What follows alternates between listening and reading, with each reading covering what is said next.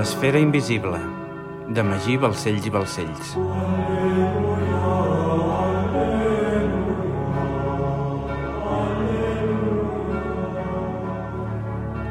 Capítol 24. Destrucció dels escuts. Dimarts, 16 de novembre de 1305. Castell de Caral, Principat de Catalunya. Des de les altures del castell s'albirava una posta de sol espectacular i insòlita, que pintava per complet en vius colors tota la volta celestial.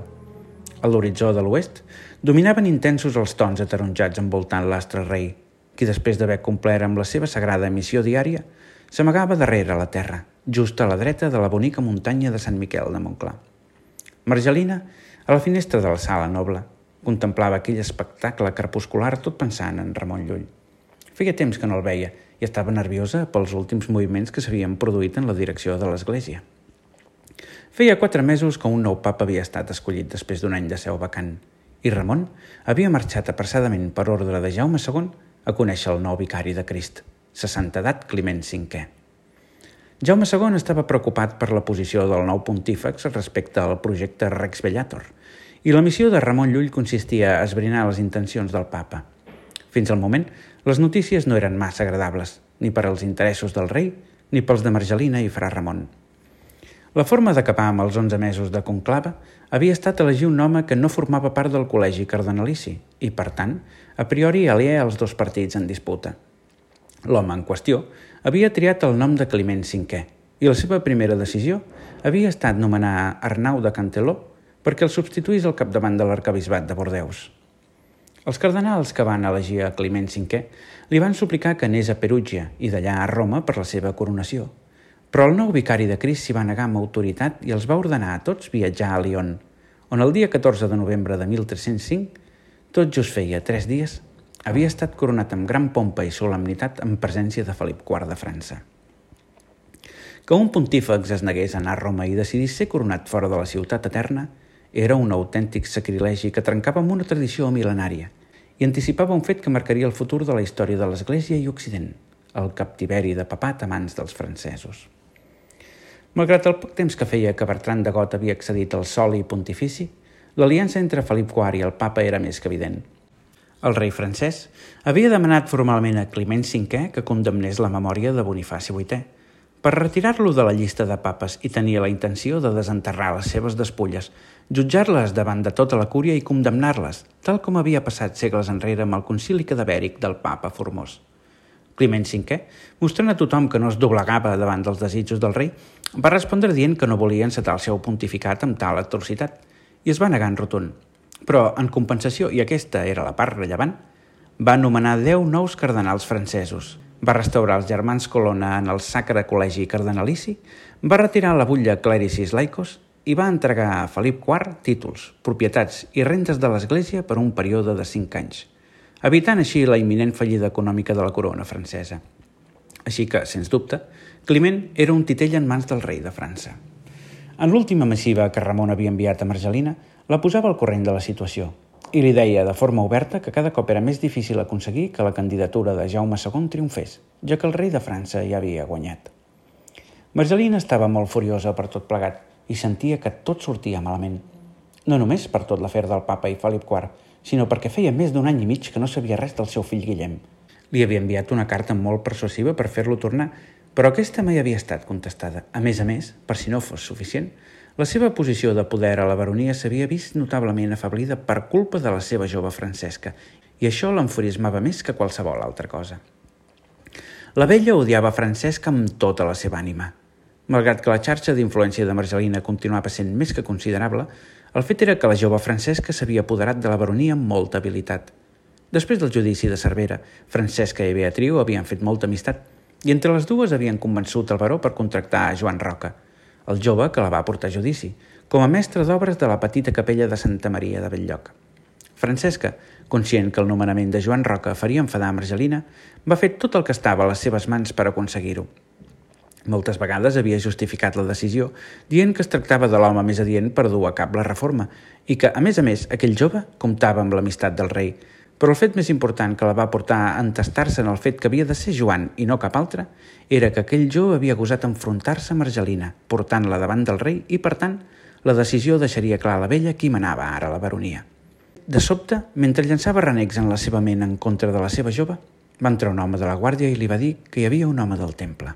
La vella el va fer entrar i l'home li va fer entrega d'una carta i un petit cofre.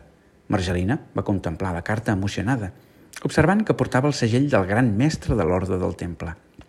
El cor va començar a bategar-li amb força davant l'expectativa de tenir alguna notícia del seu fill Guillem. La vella va obrir la carta i va començar a llegir amb rapidesa, però passats uns instants es va posar a tremolar sencera. Va alçar la vista un moment. Va mirar el cofre, aterrada, i va dir-li a l'home del temple «No, no pot ser!» «Em sap greu, senyora», va contestar ell. Margelina va tornar a mirar la carta totalment angoixada i la va tornar a llegir. Es va posar blanca com un got de llet i va sentir com una sua freda li recorria el cos de cap a peus. Va acostar la mà a poc a poc fins al cofre i el va obrir. Quan ho va veure, va començar a plorar horroritzada – sense poder-ho reprimir. Tot havia estat en va. Guillem era mort. No ho volia ni ho podia creure. Havia de ser un error del gran mestre. Margelina llegia i rellegia la carta una vegada i una altra, però les lletres i el missatge seguien sent el mateix. El gran mestre li explicava que Guillem havia mort en un naufragi i que després de diversos dies el seu cos havia aparegut a les costes del ducat d'Aquitània en molt mal estat. L'havien enterrat a l'església de la Rochelle, però havien enviat el seu cor perquè reposés a la seva terra natal. No es volia creure el que deia la carta i li preguntava una vegada i una altra a l'home del temple que havia de tractar-se d'un error. L'home, amb actitud serena i procurant guardar el decor degut, li va explicar a la vella que el contingut de la carta era cert i que ell ho havia vist amb els seus propis ulls. Margelina no es va poder contenir. Es va alçar i va començar a colpejar-lo, cridant que no podia ser entre gemecs d'incomprensió. Al cap d'uns instants va començar a plorar i va cridar-li a l'home del temple que marxés. Aquest es va alçar, va donar-li el condol i va marxar. Margelina va estar quasi dues hores contemplant aquell cor putrefacte, plorant en silenci i renegant contra Déu per tal injustícia. Sentia un dolor indescriptible i un sentiment de culpa immens. Si ella no l'hagués forçat a ingressar a l'ordre del temple, ell encara seria viu. Les imatges de Guillem se li repetien de forma incessant. El veia de petit corrent pel castell, rient amb el seu pare, jugant amb els seus germans. Podia sentir el seu alè i el seu tacte de forma més clara que mai. Era com si el tingués a davant, però llavors veia el cor del seu fill i arrencava a plorar plena d'ira i pena. Mai hauria imaginat que es podia sentir un buit tan gran ni un patiment d'aquelles proporcions. Al cap d'unes hores, quan ja no podia plorar més i se li havien assecat els ulls, es va sentir preparada per anunciar la mort del seu fill. El primer que va fer va ser enviar una missiva a Fra Ramon. Hauria pagat el que fos per poder abraçar Ramon Llull en aquell moment. Després, es va vestir de dalt, completament de negre, i va marxar cap al castell de Santa Coloma per donar la notícia al seu fill i començar a preparar un funeral a l'efecte. Quan va arribar al castell, es va dirigir tan de pressa com va poder fins al menjador, on el seu fill estava sopant. Amb una tènua llum d'espelmes, Pere de Caral va veure entrar la seva mare tota vestida de negre i amb les galtes i els ulls irritats per l'efecte del plor. «Què, què passa, mare?», va dir Pere, en veure la seva mare en aquelles condicions. «El teu germà Guillem», va dir Margelina, amb la mirada perduda. És mort. Mort? No pot ser. Com ho sabeu? va inquirir el baró, mentre Francesca s'alçava i es dirigia a consolar a Margelina. El gran mestre m'ha enviat una carta, va dir la vella, ensenyant la carta al seu fill. Em sap greu, Margelina, va dir Francesca, intentant abraçar-la. No em toquis, va dir Margelina apretant-se. No necessito el teu consol. Entrada ja a la negra nit, les campanes de l'església parroquial de Santa Maria van començar a sonar. El so d'una greu campana va irrompre amb força en la calma de la nit, produint una intensa vibració que s'esmorteïa lentament amb parsimònia, apagant-se a poc a poc fins a perdre's en l'aire i la quietud, i després d'uns segons d'incòmoda pausa, una nova campana trencava el silenci, definint un ritme lent i melancòlic que ressonava per tota la comarca. La llarga cadència entre els tocs produïa la sensació que el temps s'estigués desaccelerant, i la trista freqüència emesa des del campanar encomanava un tètric sentiment de mort i plany que arribava a tothom de forma inevitable. Els colomins, interromputs del seu son en la placidesa de la nit, tot escoltant el ritme i el nombre de campanes que intervenien, van entendre el moment no només que es tractava de l'òbit d'un home, sinó que era un home de la casa de Caral. Com a serps obedients, molts d'ells es van vestir a l'instant i van acudir al pati d'armes del castell per presentar els seus respectes – tot creient que es tractava de la mort d'en Pere IV de Caral i Anglesola, el senyor Baró. Joan Roca es va despertar escoltant l'incessant moviment de portes dels veïns i va treure el cap per la finestra. La gent sortia de les cases en direcció al castell. De sobte, va parar atenció en les campanades i va entendre que havia mort algú important. Tot dirigint-se a un vilatà que passava pel carrer, li va preguntar «Xt, xt, aquí, aquí dalt, qui s'ha mort?» «El senyor Baró», va contestar-li l'home. Joan es va vestir i va dirigir-se al pati d'armes del castell de Santa Coloma. Quan va arribar, hi havia una multitud congregada absolutament en silenci. Només se sentia algú tossint i les fúnebres campanades de morts. Al cap de quasi mitja hora, dos homes van sortir al balcó i van penjar l'escut dels caral del revés en senyal de dol. Poc després, va sortir el pregoner i va anunciar la mort de Guillem. Va decretar un mes de dol i va anunciar un gran funeral pel dia 16 de desembre del present. Joan, per res del món esperava tenir notícia de Guillem. Es va sentir terroritzat a l'instant, va pensar en la seva germana i el seu nepot i va sentir com els dubtes se'l menjaven. Eren morts ells també? Necessitava parlar amb el baró immediatament. Sense pensar-ho es va dirigir a la porta del castell i va començar a picar. Un home de la guàrdia va obrir i el va amenaçar perquè deixés de picar a la porta. Joan va suplicar-li que volia parlar amb el baró, però el membre de la guàrdia va fer cas omís. Joan va continuar picant i l'home de la guàrdia va obrir i va colpejar-lo fins a deixar-lo estès al terra. El baró, escoltant la batussa, va treure el cap per l'escala i un home de la guàrdia li va dir que el mestre d'obres de Belllloc no estava respectant el dol de la família. Pere va ordenar-li que el fes entrar de forma immediata. El baró el va fer pujar fins al menjador, on es trobava tota la família reunida, i allà li van oferir menjar i li van explicar tot el que sabien. «Què hi fa aquí aquest?» va dir Marcelina, amb to desagradable. «M'agradaria donar-vos el condol», va dir Joan. «Molt bé. Gràcies pels teus respectes. Au, doncs, Feina feta, fot al camp, va dir Marcelina. Sabeu alguna cosa de la meva germana i el seu fill? va preguntar Joan, preocupat. Per què hauríem de saber alguna cosa d'aquells morts de gana? va dir Marcelina, enfadada. Perquè són la dona i el fill de Guillem, va cridar-li Pere a sa mare. Un templer ens ha fet arribar una carta i un cofre amb el cor de Guillem, però no ens ha dit res de Maria i el seu fill, li va explicar Francesca. Guillem va morir en un naufragi a les costes d'Aquitània. És tot el que sabem, li va dir el baró. El nen és un caral. Els hem d'anar a buscar, va dir Joan. No sabem on són, li va contestar Pere, però juro pel meu honor que intentarem esbrinar-ho. Deuen ser morts. Si Guillem no els va trobar, no ho farà ningú, va dir la vella Marcelina, plena d'odi. Guillem va entregar la seva vida per trobar-los, i si aquesta ha estat l'última voluntat del meu germà, faré tot el que està al meu abast per trobar-los. Miraré de parlar amb el mestre del Temple d'Aragó i Catalunya, va dir Pere. Gràcies, noble senyor, va contestar Joan. Després d'aquell succés, Joan va córrer tan de pressa com va poder fins a les piles per explicar la situació al seu pare i al seu germà, qui amb el temps que havia passat ja no albergaven cap tipus d'esperança. Tanmateix, Joan els va dir que el dia del funeral de Guillem segurament obtindrien més informació de la mà d'algun templer que existís al funeral, doncs el senyor Baró li havia promès fer tot el que estava al seu abast per complir la voluntat del seu germà. Aquell mes de dol es va fer etern i insufrible per la família de Maria, especialment per Joan, qui encara confiava que seguien en vida. Per contra, Margelina va aprofitar aquell mes per preparar un funeral acord amb la dignitat del seu fill, que li permetés presumir davant de tota la noblesa. Coneixent la devoció de Guillem a la cavalleria i els seus rituals, Margelina va preparar una fastuosa i desmesurada celebració funerària per retre-li honor, la cerimònia de córrer les armes. Inspirada pel ritual funerari que la ciutat de València havia fet a Jaume I el Conqueridor, descrita en el llibre dels Feits, Margelina estava disposada a preparar el més gran funeral que s'hagués fet mai a un cavaller. Malgrat que el cerimonial de córrer les armes era un ritu reservat per la reialesa i l'alta noblesa, la dignitat de Guillem com a salvador del gran mestre de l'ordre del temple permetia sens dubte poder celebrar-lo.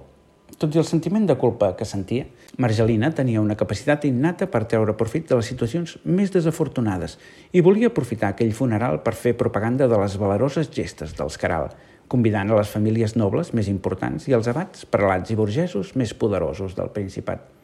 Volia mostrar amb fatxenderia davant de tothom l'heroica fama dels Caral, en aquest cas, mitjançant un digne funeral per al seu fill, qui s'havia gosat enfrontar a soles contra els mamelucs per salvar Jacques de Molay.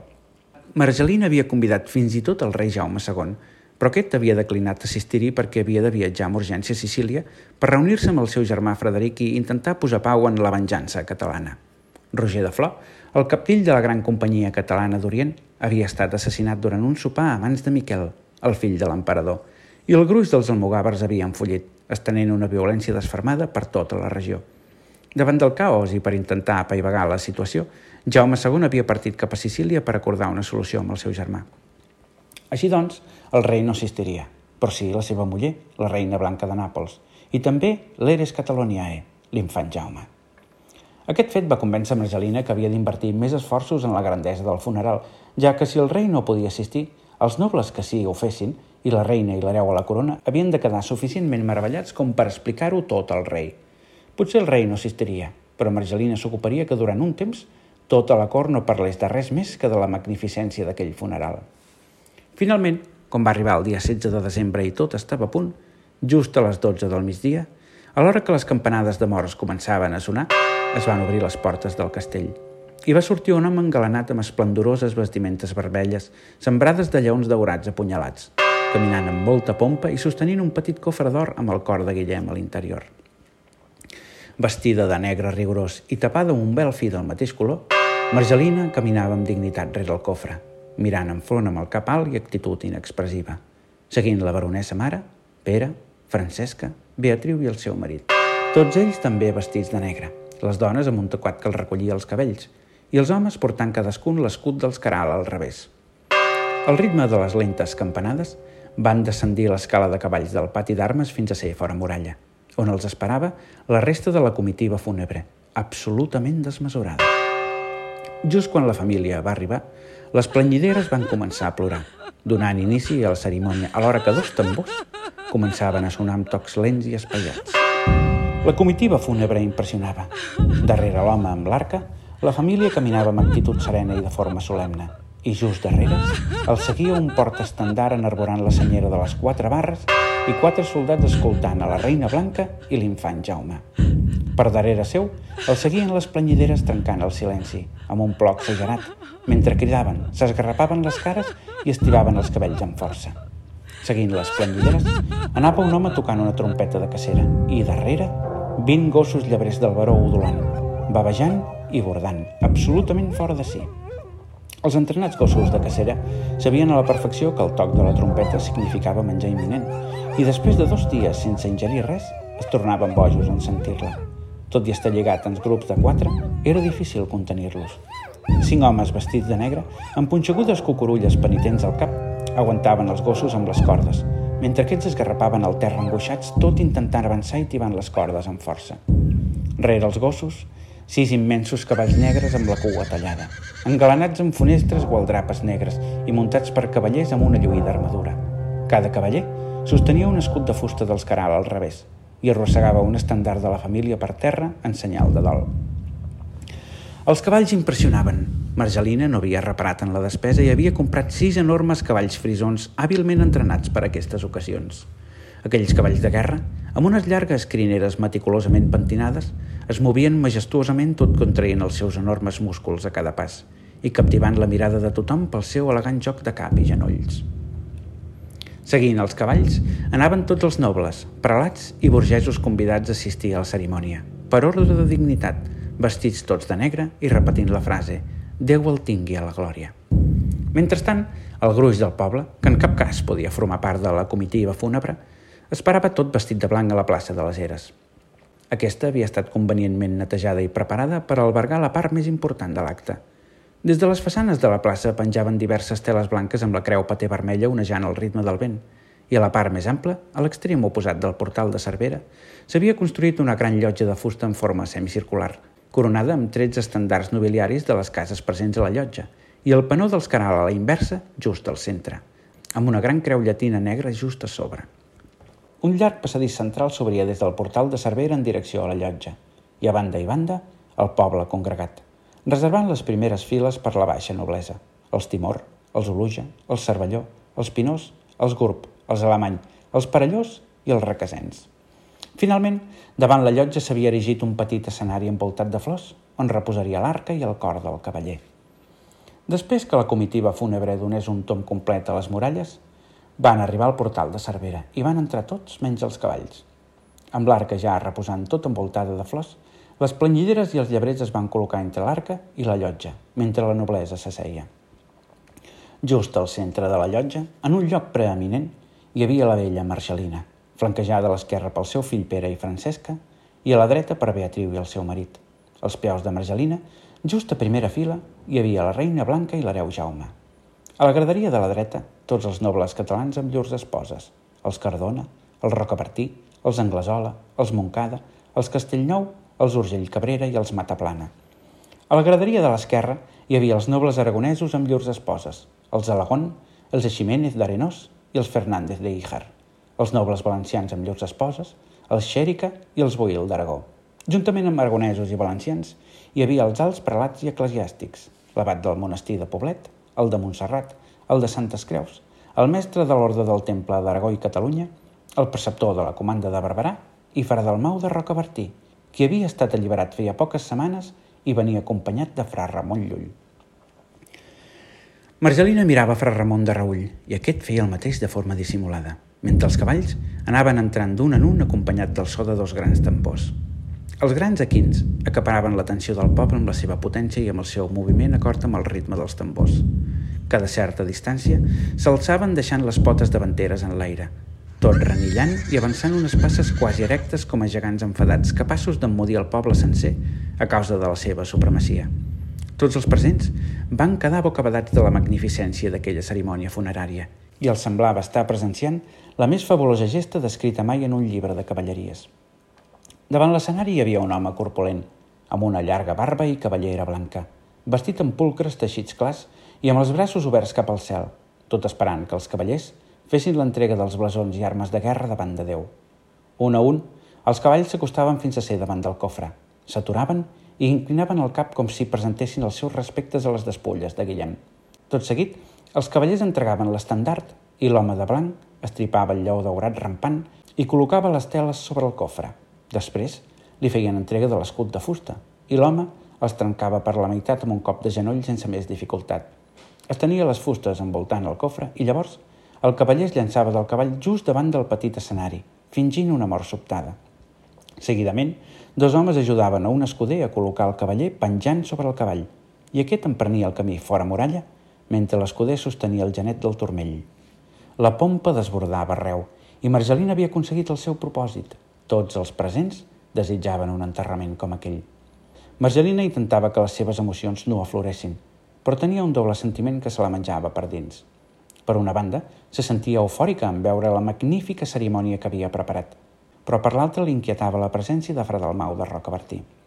El seu fill Pere volia seguir indagant el parador de Maria i el nen i havia promès al jove Joan Roca que el dia del funeral preguntaria als templers presents.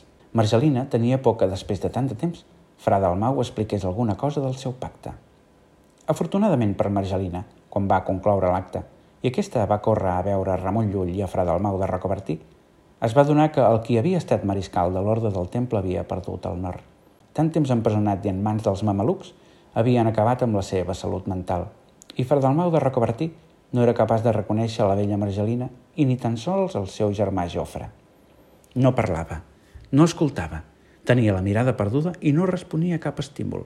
Tan sols seguia a Fra Ramon sense emetre ni un so, sense protestar, dòcil i obedient com si fos un tros de carn sense sentits. Impactava, veure com un home que havia ostentat tant de poder i dignitat podia haver acabat d'aquella manera. Margelina va pensar que estaria millor mort. Es va compadir d'ell i, contenta de verificar que no representava cap perill, es va dedicar a acabar aquella jornada acomiadant-se personalment de les grans personalitats per presumir del seu poder. Pere de Caral va estar una llarga estona parlant amb Berenguer de Cardona, el mestre provincial, que el va informar de la situació de Fra Dalmau, l'únic que podia saber alguna cosa. Pere va intentar llavors parlar amb ell, però Fra Dalmau estava quiet com un estaquirot i no responia res del que li preguntava. Senzillament mirava l'infinit i sospirava de tant en tant. Pere va estar més de dues hores intentant-ho i durant tot aquest temps, Fra Dalmau no el va mirar als ulls ni una sola vegada. Joan Roca, desesperat en saber-ho, va donar a Maria i Guillem per morts i va córrer les piles per informar el seu pare i el seu germà. Allà, en aquell petit poblet perdut enmig del Principat, van resar unes oracions per les seves ànimes i els van plorar tots junts, sense pompa ni cavalls, sense música ni fines robes de seda, però amb un sentiment tan sincer que encomanava la pena de tothom que ho veia.